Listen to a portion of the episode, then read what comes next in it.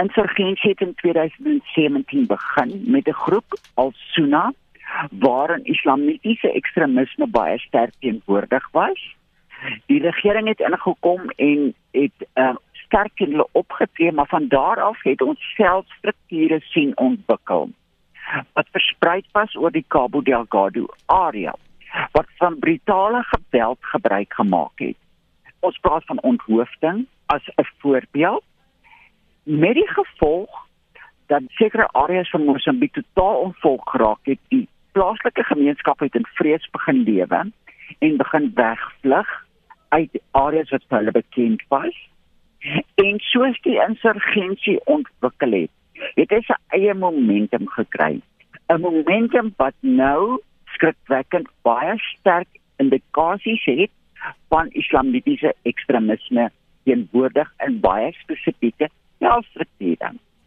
Die gevolg daarvan is dat ons op hierdie stadium sit met die islamitiese staat wat 23 aanvalle geklein het wat hulle gesê hulle voor verantwoordelik was waarvan ek 18 kon verifieer wat ek bedoel met verifieer is ek kon dit koppel aan 'n baie spesifieke insident in 'n baie spesifieke area.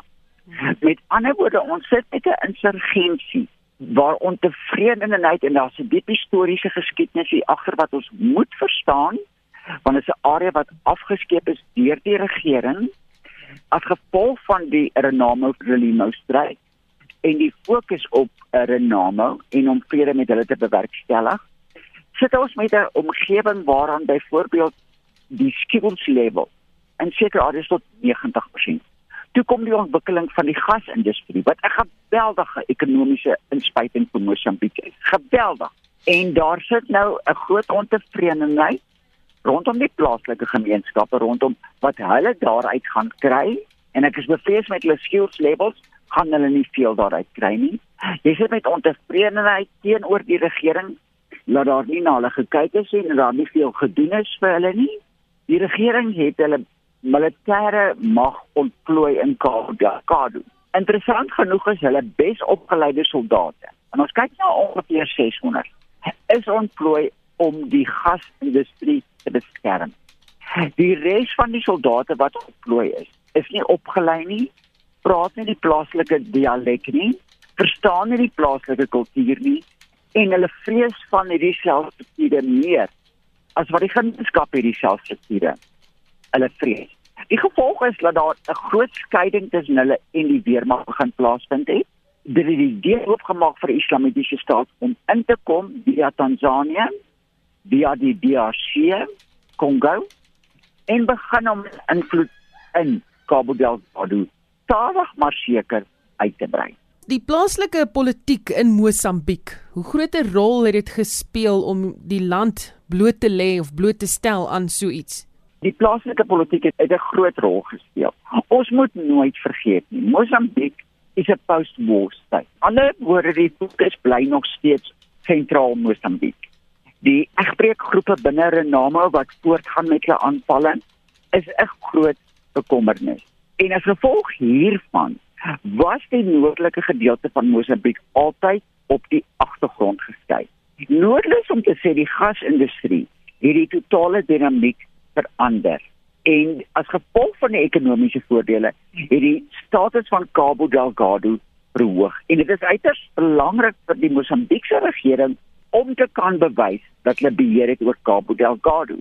Nou wat die luisteraars moet baie mooi verstaan is, hulle het nie beheer in Cabo Delgado nie. As ons gaan kyk na aanvalle in November en Desember, ons kyk na tussen 23 tot 30 aanvalle. Ons kyk na Januarie, ons staan al klaar reeds op 8 aanvalle. Die aanvalle gaan voort en die Mosambiekse regering is bloot nie opgelei om hierdie tipe van insurgensie suksesvol te te werk nie. Wat is die bedreiging van wat daar gebeur vir Suid-Afrika? Weereens, daar moet mens baie versigtig wees. Ek dink nie 'n mens moet dink daar gaan 'n soortgelyke situasie in Suid-Afrika ontwikkel nie. Die dinamiek, die plaaslike omgewing, die plaaslike eh, dissatisfaction en tevredenheid is uniek vir Cabo Delgado. Maar jou probleem wat jy mee sit, is dat daar nie grensbeheer is. Met ander woorde, jy gaan sit met 'n situasie waarin daar wat ek praat van feeding streams kan plaasvind na hierdie selfstrukture. Of dit wapens is of dit ideologies is, maak nie saak nie. Die islamitiese foto wat hulle praat van photo report wat hulle uitgebring het in Mosambiek, het ons alreeds een Suid-Afrikaner geïdentifiseer. Met ander woorde, die oorspoel effek bring 'n uh, baie indirekte realiteit nie vir Suid-Afrika nie, maar vir die streek.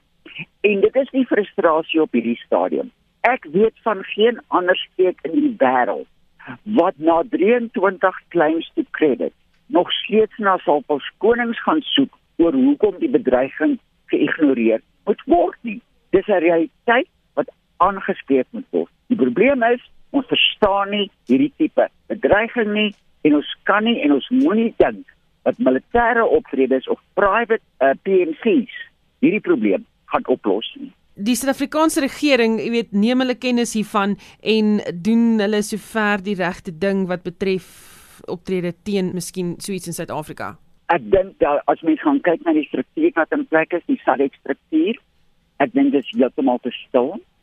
Ek dink daar's daadwerklik 'n dringende benodigheid vir 'n uh, gesprekke waar binne 'n streek samewerking bewerkstellig kan word en waar binne daai strategie 'n uh, besprekings kan plaasvind rondom wat militêr gedoen kan word, maar wat ook op sosio-ekonomiese vlak gedoen kan word ten einde die probleem aan te spreek. Maar op hierdie stadium is my bekommernis rondom SADC en die Suid-Afrikaanse regering die stilte rondom Mosambiek.